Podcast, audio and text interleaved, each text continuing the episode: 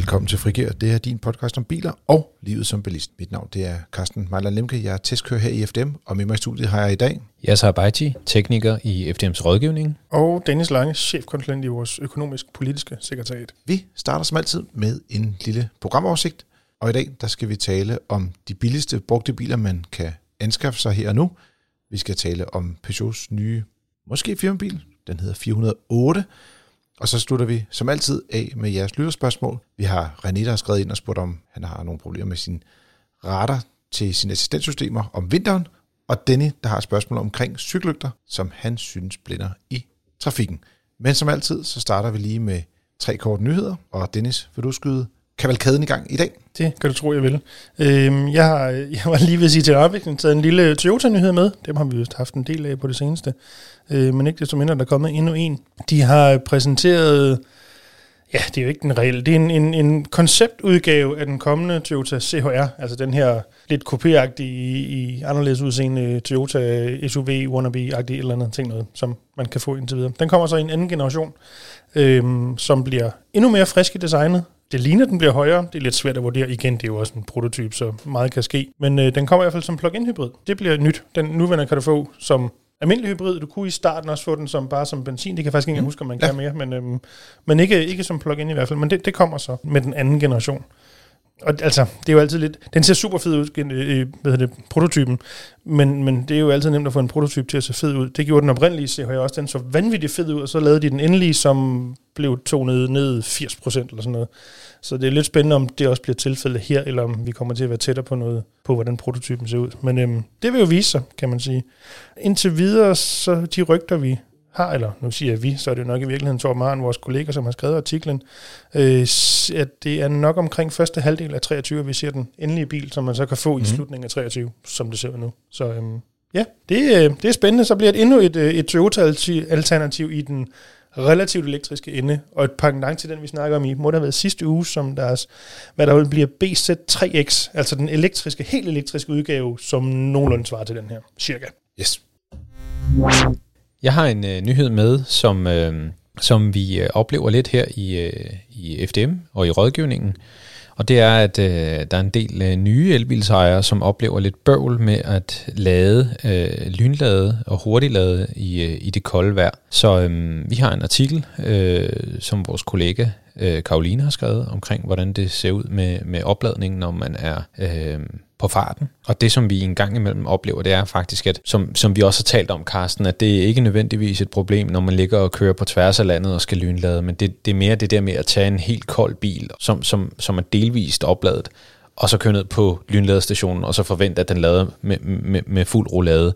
Det, det er ikke noget, der, der typisk sker. Og det er der, hvor man ligesom skal når man skal på tværs af landet, eller hvis man skal besøge familie her i, i, i de her højtider, øh, så skal man måske øh, lige prøve at øh, forvarme øh, bilens batteri, hvis det er muligt. Alternativt, jamen så, så bliver man nødt til at sætte noget længere tid af til opladning, for det kan godt vare lidt længere tid. Øh, gerne prøve at, at, at køre bilen så langt ned på strøm som overhovedet muligt, øh, sådan så at der er noget at fylde, og lad nu være med at lade mere end højst nødvendigt, og så kom videre igen. Øhm, så det er det, den her artikel den handler lidt om. Der er også en, en, øh, en, en ladekurve, øh, som, øh, som jeg har lavet på et tidspunkt, øh, hvor at øh, jeg kørte i en bil, hvor vi øh, starter øh, herfra, kører øh, nogle kilometer og oplader i koldt vejr, hvor den ikke øh, rigtig vil tage så meget strøm. Så, øh, så kører vi tilbage igen efter en, en, en øh, lynladet session, øh, samme afstand, øh, men nu er der bare lidt mere temperatur på batteriet, og der kan man så se, at, at øh, øh, ladeadfærden er faktisk anderledes, og det går noget stærkere at få strøm på, og batteriet er også mere øh, villigt til at tage imod strøm. Så, så det betyder noget, hvad, hvad temperaturen er i, i højvoldsbatteriet, når man skal lynlade. Og jeg tænker også, det er lidt... Øh, altså når folk de skifter over til at blive elbilister, så er der mange ting, de ligesom skal, skal lære. Mm. Og, og i det her tilfælde, så bare for at man ikke skal gå ud og blive bange for det her, eller, så er det ikke, der er ikke noget, der er forkert i det, og bilerne gør, som de skal. Og i virkeligheden så er det et spørgsmål om, at, øh, at man skal lære nogle, nogle vaner. Og det er også vigtigt at sige, at der er mange, der taler om det her, men om, men hvad så lader den så altid dårligt om vinteren? Øh, for det første, de fleste lader faktisk hjemme. Mm. Øh, 90-95% af tiden lader de på en langsomlader, og der vil man ikke opleve en markant forlænget øh, ladetid. Det vil være stort set den samme ladetid om sommeren og om vinteren. Der kan være lidt små forskelle med temperaturen selvfølgelig, men det er i småtingsafdelingen. Og den anden ting, det er, at øh, vi, vi måler jo også, øh, skal man sige, ladekurve på biler, og vi kan se enkelte bilmodeller, som har været dårlige til at, ligesom at, at have temperatur i batterierne. Det har primært været noget Hyundai Kia på deres nye 800 volts øh, pakker. Også enkelte andre biler, som ikke helt har kunne holde varme i batteriet, når man kører lange ture. Men for de fleste biler, så er det sådan, at, at når man har kørt en lang tur og ladet op, så lader de faktisk øh, stort set lige hurtigt om sommeren og om vinteren. Så det er ikke noget, som er et stort problem, hvis man gør det på den rigtige måde. Øhm, og de her to øh, modeller fra Kia og Hyundai, som har haft øh, lidt vanskeligheder med, at batterierne bliver meget kolde om vinteren, når man kører lange ture, de har faktisk fået øh, nogle softwareopdateringer, som man så skal have ind i bilen først selvfølgelig, men når man har fået det, så kan man faktisk vælge at forvarme batteriet. Og der så jeg faktisk lige en ladekurve for en EV6-ejer her, der lagde den ud i morges, øh, hvor det var, at de lavede med, med næsten 200 kW, så der, øh, det virker. Mm. Så husk at, at lære din bil at kende, når, når, du, når du skal afsted på farten. Og så også, hvis du, jeg skal man sige, hvis du for eksempel skal til et møde et sted, og du ved, du skal lynlade for at kunne gennemføre den kørsel, den, du har den dag, så lad være med at øh, altså, sætte tid af til, at du kan nå at lade op, før du kommer frem til der, hvor du skal holde dit møde. Fordi når bilen holder stille, så bliver batteriet jo faktisk koldt på grund af udtemperaturen. Så det er bedre at have et kvarter, eller 20 minutter, eller en halv time, eller meget nu man skal lade, og lade det, før man kommer frem til sin destination, end at gå ud og så holde et møde i måske 4-5 timer, og så køre med et iskoldt batteri hen til en lynlader, fordi så, går det, så tager det længere tid mm. at, at lade op i virkeligheden. Yes. Min nyhed i denne uge, eller skal man sige, måned må det næsten være, det er bilsalget, der skrænter, øh, og elbilerne, som fortsætter deres øh, optur. Vi har fået salgstanden ind for november måned, og det tyder på, at 2022 bliver et, øh, et relativt dårligt øh, år i forhold til bilsalg, og det skyldes jo blandt andet, at der ikke øh, kommer helt så mange biler til landet, som man kunne håbe på. Der er mange, der går og venter på elektriske biler, men generelt set har folk holdt lidt igen, og vi har også set de her meget stigende priser på alle mulige former for biler, som gør, at der er flere, som måske lige har været lidt varsomme med at, at kaste alle spareskillingerne efter en, øh, en, en ny bil. Det er jo nærmest en perlerække af faktorer, som gør, at der ikke bliver solgt så meget. Ja, og øh, man kan sige, at den, den mest solgte bil i november, eller de to mest solgte biler, det er faktisk Ford Kuga og så Tesla Model Y. Og jeg antager, at den sidste må være, fordi den bagstrukne variant øh, til en lidt lavere pris var kommet på markedet ja. her i løbet af november måned, fordi ellers plejer Tesla øh, stort set kun at indregistrere biler i december måned, altså mm. den tredje måned i hver kvartal. Men øh, lige her der er der kommet en, øh, en undtagelse. Og så den mest indregistrerede, det er Ford Kuga, og det giver også god mening, fordi at vi ser ind i en tid, hvor det er, at øh, plug-in hybriderne kommer til at stige i pris på grund af, af høje afgifter øh, fra 1. januar 2023. Så dem, der gerne vil have en Ford Kuga, de skal have dem indregistreret nu, øh, og om ikke andet i løbet af, af december måned her, hvis man vil have dem til en, til en god pris. Derudover, så, øh, så synes jeg også, så man se, at øh, Folkevogn, de er, har faktisk en ID4 og en ID5 på en 4. og en 5. plads. Men der er jo faktisk tale om den samme bil, som tyskerne af en eller anden årsag har givet et forskelligt navn. De kunne lige så godt have kaldt den ID4 og ID4 Coupé. Coupé. ligesom det gør Aarhus Skoda Enyaq. Og hvis man har lagt de to tal sammen, så vil det faktisk være den markant mest indregistrerede bil mm. i november måned. Og det er ligesom det, der er, står i sol og måne. Det er jo nogle af dem, der kan levere biler i øjeblikket på, på Elbilsfonden, øh, kan man sige. Udover Tesla selvfølgelig også, der, der også har lidt biler på vej. Ja, vi ved ikke, om det er der, der rent faktisk er skrevet flest slutsedler under, men det er i hvert fald der, hvor der er flest biler, der er kommet over grænsen. Ja, altså vi ved jo, der er i hvert fald nogle andre øh, bilmodeller, hvor der er, der er mange slutsedler, hvor det er, at øh, importøren har svært ved at honorere mm. de aftaler, og folk får skubbet levering af deres biler. Øh, så men når det er sagt, øh, når de indregistrerer øh, 600-700 biler på en måned, så betyder det også, at der bliver solgt nogle biler. Jo, jo, absolut.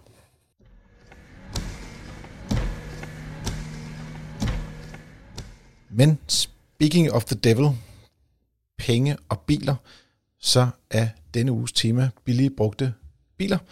Og øh, vi har lavet en artikel omkring, øh, ja, til dem, som der går ud og har transportbehov og godt kunne tænke sig at, at spare lidt på, skal man sige, på, på bilejerskabet. Og øh, det er sådan, at øh, selvom mikrobilerne stort set er glædet ud af, af salgslisterne, så er de stadigvæk øh, i den grad til stede på brugbilsmarkedet. Man kan sige, at prisen er stadig lidt i den høje ende. Det gælder mange forskellige øh, brugte biler. Øh, der har været lidt et, et fald på blandt andet Tesla Model 3 og en del af de elektriske biler, men de har også haft nogle øh, altså alt for høje priser i forhold til, hvad bilerne koster for nye af. Mm. De er faldet sådan, at øh, nogle eksperter på området siger, nu har prisen fundet et fornuftigt leje, og så vil jeg ah. tilføje, nu koster det kun lidt mere, end en ny stadigvæk koster. så jeg vil sige, det, det er... Jeg, jeg øh, håber, det naturlige leje trods alt er lavere endnu. Ja, og især når du går ud og kigger på en bil, der er et år gammel, så skal mm. den da være billigere end at gå ud og købe en ny bil. Ikke? Ja, altså, og, og endda i en periode, hvor der er, at prisen på nye biler også er steget. Så jeg vil sige, der er plads til yderligere fald. Lad os se, om de kommer. Jeg tror, det hele det kommer til at afhænge af, hvor mange biler, der kommer til landet øh, på, på nybilsfronten. Det er mm. det, der kommer til at afgøre det i den sidste ende. Men mikrobilerne er stadigvæk de billigste biler at eje.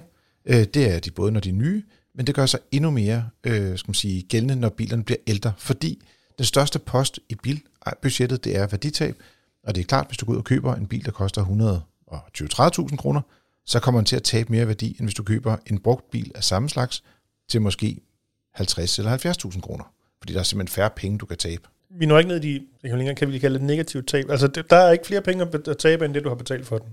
Jamen, der er faktisk, jeg snakkede lige med en gut, der for det, to år siden havde købt en brugt mikrobil til øh, omkring øh, 50-60.000, som stort set ikke havde kørt noget. Og han havde fået tilbud nu, der var 20.000 højere, mm. end det, han havde givet for den der for to-tre år siden. Mm. Så der kan du faktisk godt tale om minus. Ja. Ja, Lige der. Men, men, men jeg tror ikke... Jeg at sige, det var, når bilen er nede i 0 kroner værd, så bliver den i hvert fald ikke mindre værd. Nej, det er det. men, men det, fordi markedet har bevæget sig så underligt her på det sidste, så er der nogen, der rent faktisk har kunne køre nærmest gratis her ja. øh, på det sidste. Nå, nok om det. Man kunne også godt overveje for samme penge at købe en, en øh, mellemklassebil, for eksempel en Golf eller en Opel Astra eller noget Peugeot 308. Honda Civic. Som, Honda Civic, som er 10-15 år gammel. Hvis der er nogen, der er interesseret i en Honda Civic, så skal I skrive til. Nå, Nå. sorry Dennis. Du vil stadig beholde en bil, inden du går ud fra. Ja, ja, men mindre der kommer nogen med en meget, meget stor sæk penge, så er jeg ikke ved at skifte, nej. Er, det, er vi mellem 50 og 80? Nej. Det er lidt højere? Ja. Godt, okay. Så er det, betragteligt. Godt, så er det ikke den, vi skal øh, overveje her. Men selvom at du kan købe en større, øh, skal man sige, og ældre brugt bil til samme penge, så vil mikrobilen stadig være billigere at eje. For det første vil værditabet stadig være en lille smule lavere, fordi man afskriver lidt mindre på en nyere brugt bil end en ældre brugt bil. Men den anden ting, det er, at de er billigere at servicere. Mikrobilerne de kører længere på literen, og så er ejerafgifterne også lavere. Og hvis der kommer en reparation, jamen, så koster det bare også mindre at udbedre fejlene på bilerne. Må det ikke også, at forsikringen typisk være billigere, tænker jeg? Og forsikringen er også billigere. Ja. ja. Altså jeg vil sige, på en, en mikrobil, så der er ikke så stor forskel på at købe en ny mikrobil og en brugt mikrobil i forsikringer. Det ligger lige omkring 3.000 kroner for en uh, elitebilist mm. øh, på boende i et gennemsnitsområde i Danmark, og så videre, og så videre. ja, ja, ja. Men, men det er klart billigere end nogle af de andre biler, hvor det koster måske 4, 5 eller 6.000 kroner om året i, i forsikring. Ja. Mm. Men Dennis, du har jo en Aigo. Det er rigtigt. Som falder sådan lidt ind i det her univers. Den er måske sådan lige på kanten til at være gammel nok, men det er måske derfra, den begynder at, at være interessant at købe som brugt. Som man kan sige, den har været den næsten seks år, så vi er der stort Så er vi derhen af, ja. ja. det bliver den til februar i hvert fald. Så, øh, ja. Og hvordan er dine erfaringer med at have en bil i det prisleje lige nu? Jeg har jo ikke øh, på nogen måde været i gang med at kigge, hvis man skulle sælge den, når man overhovedet kunne få. Øhm, så, så i den kontekst pas i virkeligheden. Øh, Nå, nej, jeg tænker mere på øh, de, de, de løbende omkostninger. Nå, ja, ja. De, værditabet, det, det indfrier du den dag, du ja, ja, skiller dig af med præcis, den. Præcis. Men, Men jeg vil sige, det har faktisk været en, en meget billig bil at holde kørende. Øh, vi gjorde det, vi tegnede en øh, reparations- og serviceaftale på den, da vi købte den på fem år, må det have været, øh, hvor vi gav 385, tror jeg nok, om måneden måske en tand i den høje ende, sådan samlet set. På den anden side har vi så også fået i hvert fald for skiftet bremser på den en gang hele vejen rundt. Så øhm, mm. jeg tror muligvis, vi er gået omkring en 0 på den aftale cirka. Ja. Havde vi, man kan sige, serviceret den i løs vægt, så kunne det nok godt have været gjort billigere, tror jeg umiddelbart. Men altså, det er jo nærmest den eneste omkostning, der har været. Altså, det er jo, den, den tøffer bare derude af. Der er ikke så meget. Ja, så du, du vil i hvert fald kunne holde sådan en bil kørende billigere, når du selv ligesom har hænderne skudt rigtigt på, og ikke har 10 tommelfingre som ja, mig og øh, Dennis. De, Dennis, øh, jeg har talt med Dennis om den der service- og reparationsaftale. Vi var ikke sådan helt... Jeg, jeg tror også godt, at Dennis, han, han kunne godt se, at det var der ikke nødvendigvis behov for, men, men altså... Men det giver noget ro. Ja, og nogle gange så, jamen altså, så ved man, hvad, hvad, hvad tingene koster, og så har man nogen, man kan hæbe, hænge aben hos. Ikke? Altså, ja, præcis. Altså, man kan sige, for mit tilfælde, det var jo inden uh, Toyota opførte det her serviceaktiverede garanti. Ja, så betyder det jo i praksis, at jeg fik noget, der mindede om garanti. Det er det ikke, det ved jeg godt, men noget, der mindede om i to år ekstra. Mm. Altså i stedet for de tre mm. år, var det fem ja. år, hvor det meste var dækket ja, ja. i praksis. Og, og, og, og, og i princippet, så, øhm, så ville han kunne sælge den her bil nu med en øh, ganske fornuftig serviceaktiveret garanti. Ja, ja. Øh, så, så hvis han vil sælge den, så, skriv til podcast. Nej, men, øh, men, men altså, det er jo det, som vi også ser, ikke? Altså, det øh, unge mennesker, øh, Og øh, folk, folk, som er begyndt at pendle. Ja, Øh, og unge, Dennis. Unge, unge Dennis. øh, med, med folk, som er begyndt at pendle. Øh, altså, dengang jeg var ung, der kørte vi på knallert, øh, når vi skulle nogen steder hen. De unge mennesker i dag, de kører jo i, i, i mikrobiler. Mm. Øhm, det er ikke unormalt, og, og, og siden er det 2015, så er der kommet relativt mange mikrobiler på vejene. Man kan sige, det, det startede lidt med den gang, hvor der var, at øh, OP blev lanceret, og den blev årets bil i Danmark i 2013, så det har været 2012. Den kom frem med de andre øh, skal man sige, trillingemodeller, kom stort set i samme periode der med Skoda Citigo og, og, og Seat Mii. Mm. Det, det er helt sikkert det, det tog frem. Man kan sige, før det er sådan en model som Kia Picanto, husker jeg også solgt ret pænt i, i flere år. Mm. Ja, der, der var en afgiftsomlægning i 2007, som ja. i den grad til gode så mikrobiler. Præcis. Så det er derfra, at den begynder sådan at tage fat, og så begynder de der ret gode mikrobiler at komme sådan i slutnullerne, starten af 10'erne. Mm. Enig. Også den, den nyere generation af de her Citroën C1, øh, Peugeot 108, som den kom til at hedde, og så Toyota Aygo, der også kom i en ny generation der. Mm. Ja. Men altså, jeg, jeg, jeg tror simpelthen ikke, det er muligt at, at holde bil billigere, end at købe en mikrobil. Øh, på det rigtige tidspunkt, kan man sige, altså Mm-hmm. for, for to år siden, hvis man havde købt en mikrobil, som du selv siger, øh, og har beholdt den indtil nu, jamen så går man faktisk i nul. Øh, eller nu, nu tjente han så penge, ham du fortalte om tidligere, men, men, men ellers så, øh, så er det ganske billigt at have, at have bil. Altså, man skal også tænke på det her med service og vedligeholdelse. Jeg ved godt, at, at mindre dele, altså mindre bremse, øh, altså bremsedelen er jo mindre på en mikrobil, og Ja, der er mindre olie i motoren. mindre olie i motoren og så videre, ikke? Altså, og det er jo der, hvor at man også typisk, fordi at det er biler, der er rigtig mange af, altså det er solgt i kæmpe øh, antal, så er der rigtig mange værksteder, som, som kan servicere de her biler, og som gerne tager sådan en bil ind til service, og der kan man jo så drage lidt nytte af, af den konkurrence, og, og få serviceret og vedligeholdt bilen øh, til, til få penge, ikke? Man, man kan også sige, at det er også nogle biler, der er bygget ret enkelt. Og det vil sige, at der er også flere mekanikere, der kan servicere dem Mm. let, hvis man skal sige det på den måde. En rulle Der- kaffetape og et par elastikker, så kører vi. Præcis. Og så en, en, noget af den der kaffe fra i forgårs i stedet for olien, og så, øh, nej. Men, men det er også for at sige, at hvis du kigger på, du siger netop det med store dele, det, det er jo både et spørgsmål om, at for det første er delen lidt billigere, fordi de er lidt mindre. Så hvis du køber en bremseklods, så koster den mindre end til en, til en stor bil. Men det er også det der med, at de er blevet produceret i rigtig mange eksemplarer, som gør, at der rent faktisk er til at, at komme i nærheden af. Og så er der vel også lidt, hvis du servicerer en lidt ældre bil, så kan man jo nogle gange godt have en bremsekaliber, der for eksempel der driller. Og så kan du købe den ny, men du kan jo også købe en, en, sige, en, en, en ombytterdel, mm. som er blevet renoveret mm. fra en anden bil. Og så er vi altså nede i nogle rigtig små penge øh, for at holde bilen kørende det mm. næste stykke tid. Det er jo sådan nogle ting, der typisk går i stykker, når bilerne bliver 5, 6, 7 år gamle. Mm. Øh, så begynder bremsen at drille en lille smule og sætter sig lidt fast og sådan noget. Men det er ret billigt. Jeg tænker ikke, at der er en, en, en billigere måde at holde bil på, og hvis man samtidig kan kombinere det med, med sådan en service, som Dennis han, han kan på hans Toyota, jamen altså, så er det jo både, øh, så er det jo næsten både at, ja, hvad hedder sådan noget? Blæser ham Blæser ham i. Ja, lige præcis. altså, at man får, man får det hele, ikke? Så, um, Men det er vel måske også derfor, øh, fordi vi lige skal lave det, her, altså callback til din nyhed, Carsten, med øh, nybilsalget. Mm. Nu er der jo ikke så mange mikrobiler, man kan købe, for der er ikke så mange, der rent faktisk tilbyder dem. Øh, men jeg ved jo mærke i, øh, på top 10, der har du både Hyundai i10 og øh, Toyota Aygo Cross, Mm-hmm. som også nærmest stort set det eneste, du kan købe, men de sælger altså stadigvæk forholdsmæssigt godt. Altså der er stadig rent faktisk køber til de her biler. Folk vil faktisk gerne have dem. Og, og jeg tror, altså det handler meget om det her med, hvad kan du få, ikke? Mm. og hvad er der tilgængeligt på markedet overhovedet. Ja. Og Toyota Aygo Cross er faktisk blevet solgt, den kom jo i år, det er en Ja. ny generation af en Ja. bil, der er sådan lidt mere løftet i forhold til de tidligere, øh, dem der bare hed Toyota Aygo, Ja. uden at have et ekstra hedder Cross i navnet. Øh, Men i fronten. men i fronten. Ja. Men, men jeg tror bare også, der, der er lidt det her med, at de er også noget dyrere. Altså, øh, mikrobilerne koster i dag næsten øh, 130-150.000 kroner, hvor før i tiden, der kunne du få dem mellem 100 og 120 Ja, ja, ja. 30.000, ikke? Absolut. Så de er sådan ligesom stedet 20-30.000 kroner op i pris, øh, og, og det er jo også derfor, de brugte de sted tilsvarende. Mm. Mm. Det, det, det hele hænger jo et eller andet, på en eller anden sjov måde sammen jo. Altså det er jo, du går ud og kigger, hvad er alternativ til at købe en ny, ikke? Øh, og der er ikke så mange nye, og derfor så har de brugt det også stedet lidt i pris. Men selvom de har en lidt høj indkøbspris i øjeblikket, mm. så vil man stadigvæk øh, kunne komme ud med, med et lidt lavere, øh, skal man sige, med et relativt lavt værditab, og dermed også en samlet billig biløkonomi. Jeg tror, at hvis man kigger folkevognstrillingerne, så er de typisk en lille smule dyre, at købe en dem, der er Citroën C1 eller Peugeot øh, 108 og også Toyota Aygo for den sags skyld, de plejer at stå lidt billigere til salg mm. på, på markedet.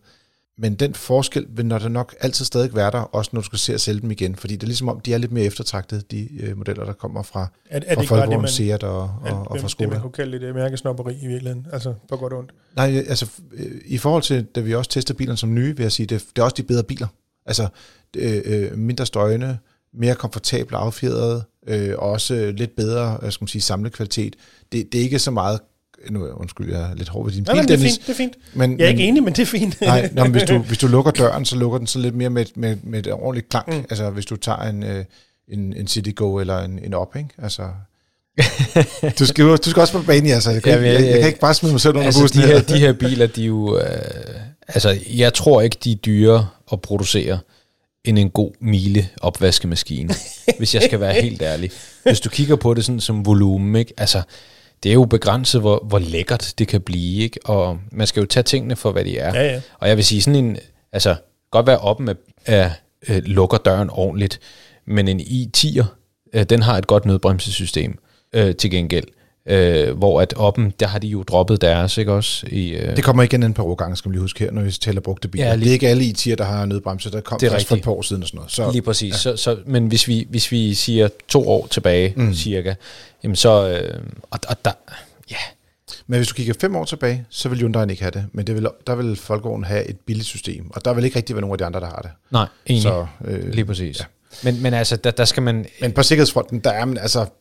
Det er bedre end at cykle, Ja. men det er ikke meget bedre end at cykle. Altså, man sidder lidt beskyttet, når man er inde i den her bil, men det er nogle små biler, ikke? en paraply med hjul. Det er også derfor, Dennis han kører i, Civic'en hele tiden. Han siger det ikke, det er derfor, men det er derfor, han kører i den hele tiden. Ja. Det er faktisk mest, fordi jeg sidder bedre i Civic'en. Men jeg vil faktisk sige, det er ikke fordi, det skal være en øh, sådan, øh, øh, øh, hvad hedder sådan noget, Igo øh, lovprisning. Jeg kan godt lide at køre i den forstået på den måde. Der sker ikke så meget, naturligvis, fordi det er en meget lille motor. Mm. Men det føles som, der sker rigtig meget, når man kører.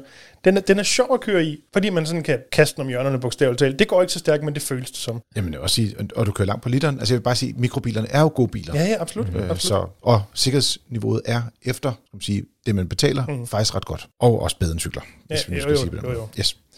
Jeg har sådan en lille ting øh, for dem, der bor inde i byen, og, øh, eller bor tæt på byen og kører ind til byen hver dag, måske jeg skal betale for parkering, der kan det godt være en lille, øh, hvis man kan finde en, en, en brugt elbil, så kan man måske have det billigere, for eksempel en bil ligesom Renault Zoe, eller det kan også være en Nissan Leaf, man bare lader dem derhjemme, og så kan man køre ind til byen, og, og så kan man få billig parkering.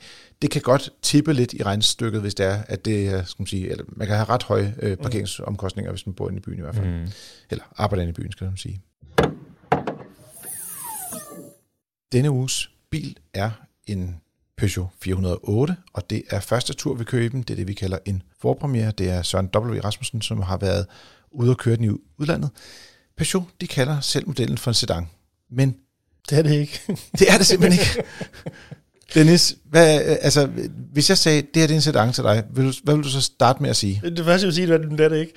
Det er løgn. Ja, Det er decideret, øh, en sedan er en bil med et udvendigt bagagerum. Ja, jeg tror måske tættest så er vi på det, der i gamle dage hed en liftback, tror jeg. ja, Det, det, det er, og så det er lidt højere stor- bevares, stor bagklap, ikke? Ja, Ja. præcis. Men øh, jeg tror, det er øh, en reminiscens af, at øh, kineserne øh, har været inde over her, øh, og gerne vil have en bil, som har lidt længere akselafstand, som kan få god plads, øh, benplads på bagsædet. Det er en, en stor prioritet øh, derovre. Man kan jo se også stort set alle deres luksusbiler kommer altid i en lang eller en ekstra, ekstra lang mm. øh, udgave. Øhm, og øh, det er simpelthen en ting derovre. De skal simpelthen have ekstremt meget benplads på bagsædet, ellers så, så, så bliver de sure. Og derfor så har øh, Peugeot også lavet den her 408, som i realiteten faktisk er en 308, hvor det er, at de bare har forlænget akselafstanden, og så har de løftet den lidt op. Men samtidig siger de, at folk er blevet trætte af SUV'er og crossover, og derfor ikke gider at sidde så højt oppe. Så det er sådan en cross crossover. Ja, for det, det er vel Den er reelt, mindre end en crossover, men stadig en crossover. men det er vel en crossover i ordets sande forstand. Altså en blanding af nogle forskellige biltyper. Ja, men ja. en crossover måske være 2-3 cm højere op Mm. i sædeposition. Så den her, den er en mellemting mellem en crossover og en... Cross øh, under. Jamen, det er ganske forvirrende det her. Men vi er vel lidt sådan i land omkring en, sådan i, forstår mig egentlig ret, men sådan en øh, Audi Allroad eller en øh, Volvo, hvad hedder de så, Cross Country, altså hvor du ja, har en XC70. normal bil, du har hævet lidt agtigt. Det, det synes jeg også. øh, øh, minder lidt om det. Også fordi den har fået de her skærmkanter rundt om. Der er nogle paneler nede i bunden, som er en anden farve, som man kan se. Så den ser lidt offroady ud. Mm. Men samtidig med det er den jo så ikke en stationcar, men faktisk, som du selv sagde, en liftback, altså en femdørsbil. Mm. Og så er- betyder det, at men bagagerummet ser ud til at være hævet en lille smule lidt ligesom på en SUV. Altså den er virkelig en crossover. men når det er sagt, der er selvfølgelig god plads på bagsædet, og der er frisk luftlyser om bagved, og hvis du går ind i kabinen, så vil du møde stort set det samme, som du ser i andre udgaver af Peugeot 308, hvor det er, at de for eksempel har den der lille, de har sådan en lille panel, sådan en lille skærm, der sidder under deres touchskærm, hvor det er, at du har sådan nogle programmerbare knapper. Mm. Det er alt sammen super fancy. Der er jo også øh, i den her topmodel, som Søren har udkørt, det hedder GT Line, eller hvad nu kalder den, den har AGR-sæder, og det øh, kan jeg så huske fra sin ungdom, øh, dengang han øh, arbejdede hos Opel, hvor de havde AGR-sæder. Det fandtes ikke dengang. Gjorde det ikke det? Mm, det ikke fandtes i 100 år? Eller tæt på i hvert fald. Nej. Aktion Gesunde Ryg. Ja, det, det Hvornår stoppede du hos øh, Opel? Mm, Så skal vi have et årstal. yes, i, i 15. Det er sat ned med lige på kanten. Jeg tror, jeg tror, det er lige på kanten, jeg faktisk. beklager øh, bandet lige her. Nå, anywho, lyttere. AGR sidder. Det er lige på kanten til, at... Øh, men det var stadig i... Du var stadig ung dengang. Ja, så. Ja, ja, ja. Men det er sådan en, øh, sådan en rigtig øh, ken, kendingsting for, for øh, Opel, og det har de så simpelthen sagt, for ligesom at, at fjerne og udviske den øh, særlige fordel, så giver vi den også til Peugeot af en eller anden årsag. Det, det er lidt forvirrende, synes jeg. Jo, men det var det der. Et af produkterne er, at man købte Opel ind i Stellantis-koncernen. Altså, Jo, men hvis man gør det, det er rigtigt, at man skal jo dele nogle, nogle teknikker, og øh, for eksempel sådan noget som motorerne er jo ens i alle de her biler. Mm. Og når der kommer en el-udgave, som der også kommer af den her, så er det den samme el-platform, som du også får i en Opel Astra, Ja, ja. ja. og en Peugeot 308 selvfølgelig, fordi mm. 408'eren er jo en 308, der er bare længere. Så det giver sig selv. Men når du så begynder at tage sådan nogle ting som altså sæder, hvor det er, de har et brand, som er udviklet under Opel, og så tager det med over, så bliver det, altså, ja, ja, ja. Bare, okay. vent, De har også samme skærme, altså det, er- der er mange ting, der er ens i de biler bare efterhånden. vent til det ikke hedder en GT længere, men hedder en GSI. Eller GSE. Ja, for den sags skyld, ja. Øh, bilen her, den har et, øh, et kan man sige, på papiret rigtig fint bagagerum på øh, 471 liter, og øh, det er jo næsten en stationcar værdig øh, med så store tal. Men i praksis, der har øh, Peugeot overtaget lidt øh, det, som jeg også kalder Kia-liter, og det er, øh, at nogle af de her liter, de ligger gemt rundt omkring i bagagerummet, hvor man ikke lige rent faktisk kan pakke noget selv. Noget af det ligger under bagagerumsgulvet, der ikke er specielt godt at pakke i. Der kan lige ligge sådan et, et ladekabel, og så er der sådan et, et, et lille bitte rum indunder også, men som man ikke rigtig kan pakke noget i. Så det er sådan, mm. ja, overflødige liter, kan man kalde dem derinde.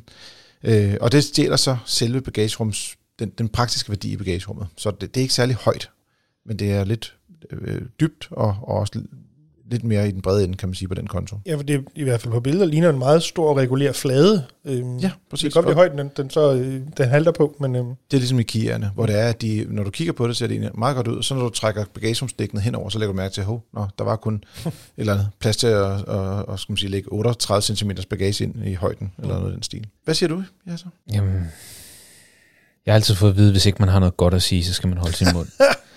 øhm, Jamen, du må da sige, synes du ikke, designet er, er nogenlunde pænt? Altså, nej, det synes jeg ikke, det er. Jeg synes ikke, det er nogen penge. Jeg synes, det er super fedt. Nej, jeg synes, den er ikke særlig pæn. altså I er i hver jeres ende lige Ja, nu, ja. bare lige for, at jeg kan finde, finde rundt i det her. Så øh, den ene siger, det er super fedt. Ja. Øh, jeg er helt klart på Dennis hold, altså her. Ja. Men det synes du ikke rigtigt, Nej, overhovedet ikke. Altså, jeg synes ikke, den er, den er pæn, den her. Jeg kan meget bedre lide Astraen. Øh, og, og det er jo, der, det, det har jeg også øh, talt med Dennis om, at jeg synes, at Astraen er fed. Øh, hvor at han slet ikke synes, den er flot. Præcis. Øh, så, så der vil, det er jo en smagssag. Øh, Men, men på en eller anden måde kan jeg godt lide det. Af hvad? Jamen, at I er så uenige, for det betyder faktisk, at designet har en kant. Bekræfter det ikke også Stellantis øh, markedsstrategi?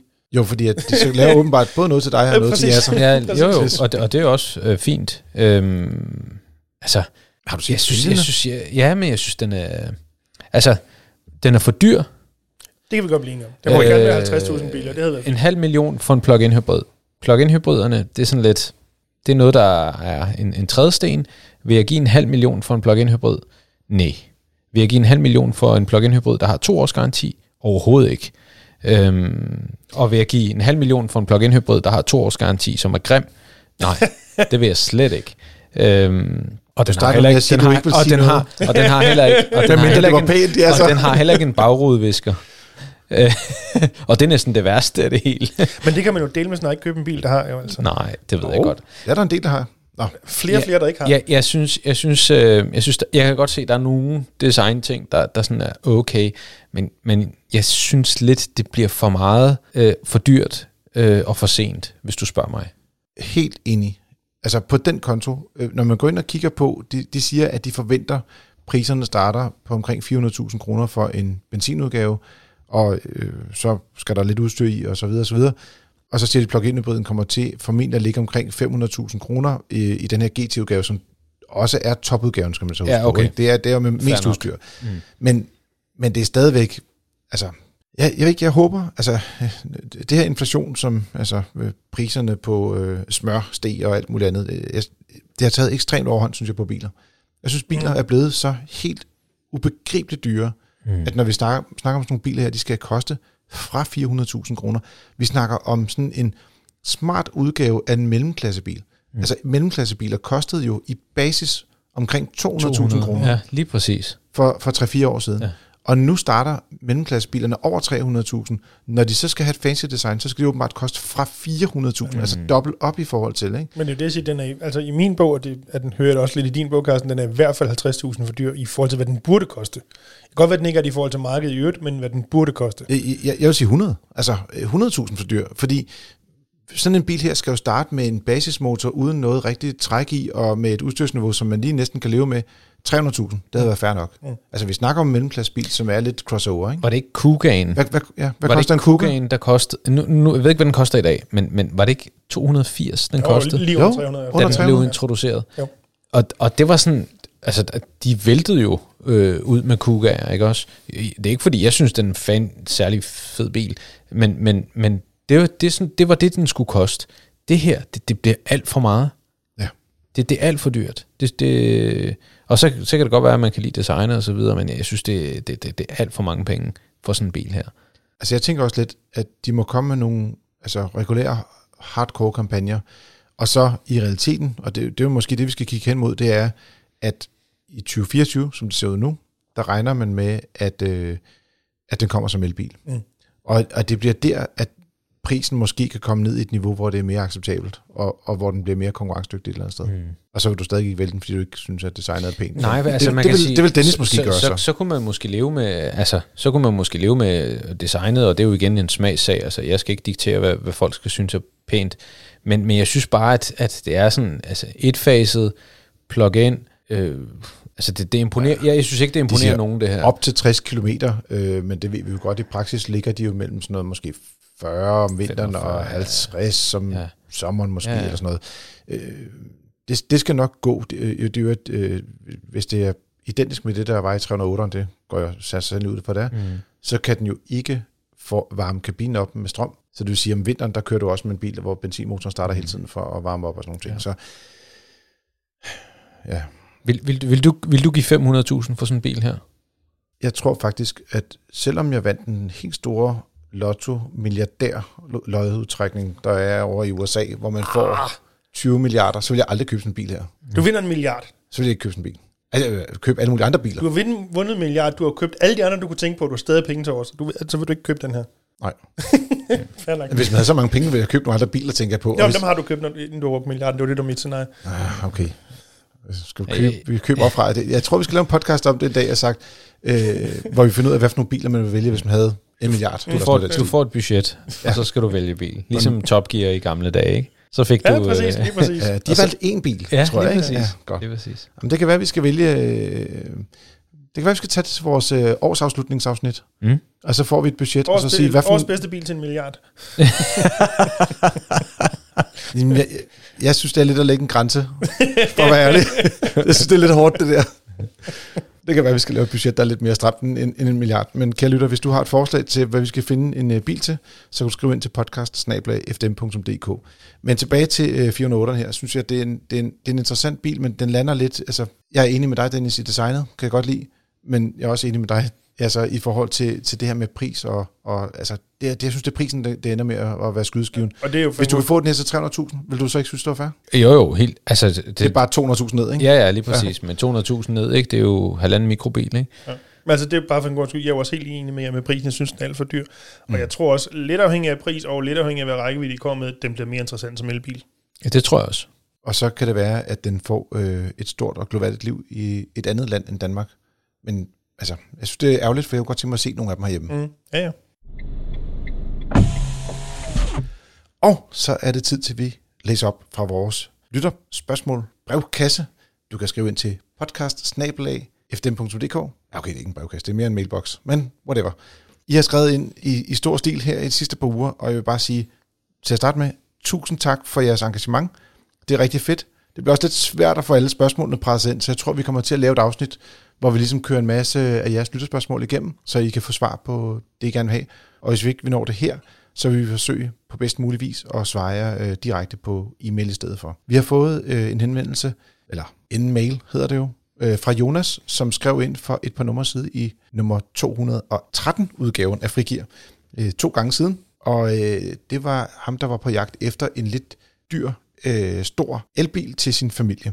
Og han havde en Tesla Model X dengang, som han havde importeret, og den har han så solgt nu, og øh, har været glad for de råd, han har fået, men har valgt at køre videre i en Tesla Model Y Long Range, som han har importeret igen, eller købt importeret, så at sige, til nogle øh, fornuftige øh, penge.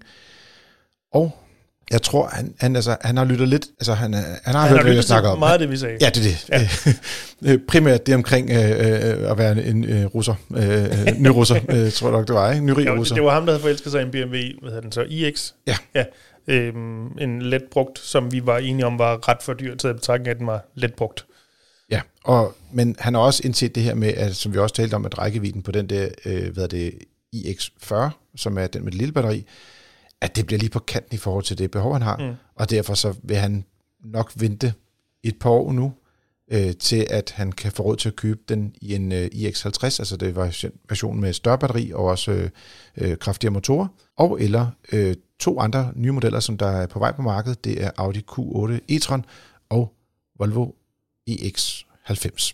Fordi så begynder man at få nogle biler, der har noget fornuftig rækkevidde. Men de er lige lidt dyre fra nye af, så han vil lige vente til, at de har fået taget toppen af prisen. Så, men Jonas, øh, når du kommer dertil, og du så stadig er i tvivl om, hvilken du skal vælge, så kan du bare skrive ind, så vil vi selvfølgelig gerne hjælpe dig på vej der. Vi har også fået en mail fra René. Han skriver, min Kia Rio, som jeg ellers er rigtig glad for, er udstyret med et nødbremsesystem. Men lige så snart der kommer snevær, så får jeg efter få kilometers kørsel besked om, at systemet er slået fra.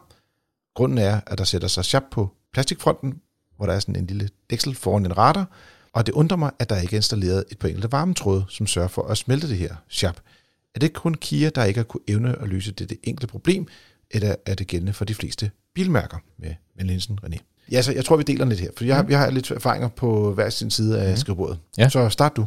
Jamen altså, det, øh, det er ikke kun Sharp, der gør det, vil jeg sige. Det er også øh, kraftig regn, typisk, øh, som gør, at, at, at radaren egentlig ikke kan, ikke kan håndtere og, og se øh, ud. Der er jo de her radar-tunger, kan man sige. Den har nogle, nogle føletunger, der går ud, og på et tidspunkt, jamen, så er der for stor interferens. Det kan være sne, det kan være øh, kraftig regn, øh, og når det så er koldt, og, og det hele sætter sig op foran radaren, jamen så, så øh, vil radarens øh, logik gå ind og sige, nu kan jeg egentlig ikke regne med det, jeg ser, og derfor så slår jeg systemet fra, og fortæller føreren, at systemet er slået fra. Der er nogle varmetråde i, i nogle systemer, men, men typisk så, altså, så kan det ikke hamle op med den sne, øh, og man bruger ikke rigtig meget energi på at varme noget op, som måske skal virke, hvor man bare kan sige, jamen så slår man bare systemet fra. Øhm, det, det er desværre ikke bedre, end, end det er. Jeg har også oplevet det i en del testbiler, og det er primært, når det er, at man har det her sådan sharpvejr, men hvor det er virkelig koldt, sådan at, at sharpet det fryser fast på øh, selve plastikken. Mm. Øhm, jeg synes ikke, jeg så ofte har oplevet, at bilerne har klaget over øh, det med regn, men, men det, er jo også en, en udfordring der med, når, når selve radarsystemet ikke kan se noget. Og, og typisk så kan man gøre det, man går hen og lige sparker en gang til kofangeren, og så falder øh, sharpen af, og så virker den igen, indtil der kommer sharp på igen, og så kan man sparke på det igen. Øh, men det, er- det er lidt irriterende. Og jeg mener, at jeg har prøvet at køre nogle Mercedes'er, hvor det var, at radaren lå bag ved selve stjernen, Mm. i, øh, hvor det var, at øh, der var varme i den, og det var den eneste, der sådan rigtig kunne fjerne det. Så er der også nogle biler, hvor det er, at det ikke er en radar, den kører efter, men den kører efter kameraet. Mm. Hvor, og øh, der kan der komme duk foran kameraet, og det kan også øh, tilsvarende stop bilen, og så siger, no, det, nu kan jeg ikke se noget. Mm. Eller også øh, de lidt bedre biler, øh, der, øh, der, der har de lidt varme omkring, der hvor øh, kameraet sidder. Det ved du også, Jasser. Mm. Og, og så, øh, hvad det, så varmer de det op, og så kan den altid se. Så selvom der er sharp, så virker de her nødbremssystemer. Mm. Så, så det er meget afhængigt af, hvilken en bilmodel man har, i forhold til at finde ud af, om, om det ligesom øh, virker også, når det er vinterfører. Mm. Det vigtigste er jo egentlig, at vi får en besked som fører af bilen, at, at, at nu systemet er inaktivt. Så det er det, der, som, som, som er det vigtigste. Øh, men, men det er desværre ikke, øh, altså, det er jo, det er jo ikke øh, lavet som et fly, det her. Det er, der, er, der er sparet nogle penge, og, og det er derfor, at, at, at det ser ud, som det, det gør. Og hvis man læser i sin instruktionsbog, øh, i hvert fald i min egen, der står der flere sider om, hvad man ikke kan med, med assistenssystemer, end hvad man kan. Øh, så, så det, og, og det, det er jo en begrænsning. Og det er jo virkeligheden, og, og, og problemet er, at, at tingene her, de bliver solgt som værende delvis selvkørende, ikke? Øhm, men, men læs i instruktionsbogen, der, der, der er der rigtig mange ting, man, man ligesom kan, kan, kan få øh, informationer omkring øh, ens øh, ADAS-systemer. Og ADAS-systemer står for? Advanced Driver Assistance System. Lige præcis. Og René han hilser også og siger, at han har tidligere skrevet ind øh, i forhold til bilvalg til hans øh, mor, der gerne vil have en bil med automatgear, hvor vi havde foreslået en Yaris Hybrid, men hun synes, den var lidt for stor, så hun havde åbenbart endt med at vælge en Hyundai i10 med skiftrobot, som hun synes skiftede bedre end den, der var i en folkevogn op med samme teknologi. Vi har også fået en mail fra Denny. Han skriver, Hej Frik her. Der er regler for billygter, der kan sikre mod blænding i trafikken. Men der er også kraftige cykellygter, der sidder en del højere op, og nogle af dem de blinker endda, og de kan snilt genere en bilist. Er der ikke regler mod de her cykellygter? Og Dennis, der er ikke noget, du kan lide at tale bedre om end cykellygter. Så jeg tænker, du kommer med et svar. Jeg tror, jeg gør det ikke så tit, men øh, nu er chancen der egentlig til at tale det om cykellygter. Øhm, det korte svar er, jo, der er også regler mod dem, og det er faktisk i virkeligheden de samme regler grundlæggende, som der gælder for billygter. De må ikke blænde. Øhm, og det er helt rigtigt, man kan se, især som, man kan sige, kraftige cykellygter er blevet mere, jeg ved ikke om moderne er det rigtige ord, måske mere tilgængelige. Øhm, og hvis man monterer dem på sit cykelstyr, eller hvor man nu gør, og de peger lige ud, eller peger opad for den sags skyld, så risikerer man at blænde alle sine medtrafikanter. Og må man det? Nej, det må man ikke.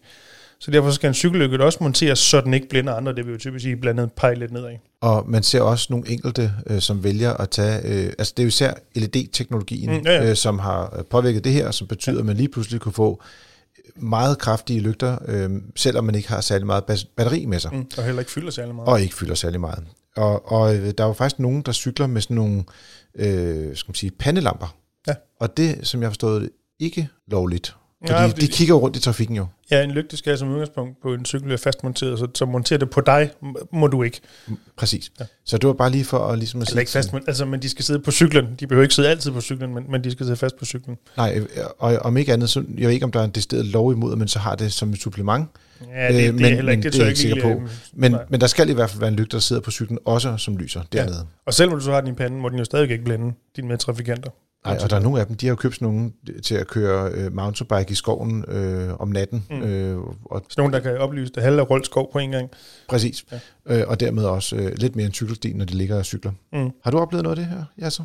Øh, jeg har bare set, at, at der er nogle af de her cyklister, øh, nogle af dem, der også kører mountainbike øh, i mit nærområde. Der, der er sådan nogle bakker og sådan noget, så er der nogle af dem, der kører mountainbike. Og der er jo, altså det ligner jo et juletræ, sådan en cykel, der kommer med... mm med forgaflen øh, prydet i, i øh, dioder, ikke? Så jeg tror ikke helt, de er helt lovlige, nogle af de der. Sikkert ikke alle Nej. Men der er også nogle minimumskrav til cykellygter, som man, øh, de skal leve op til. Altså et minimum af lys, de skal kunne ses ja, på en bestemt afstand. Og, øh, ja, jeg kan ja. ikke huske, om det er 2 eller 300 meter, men de skal kunne ses fra en, fra en bestemt afstand. Det er ikke et issue med de her lygter, tør jeg godt sige. De kan rigeligt ses på den lovpligtige afstand. Og, og jeg vil sige, det her med, at nu, nu nævner han det her med, at der er nogle af lygterne, der blinker.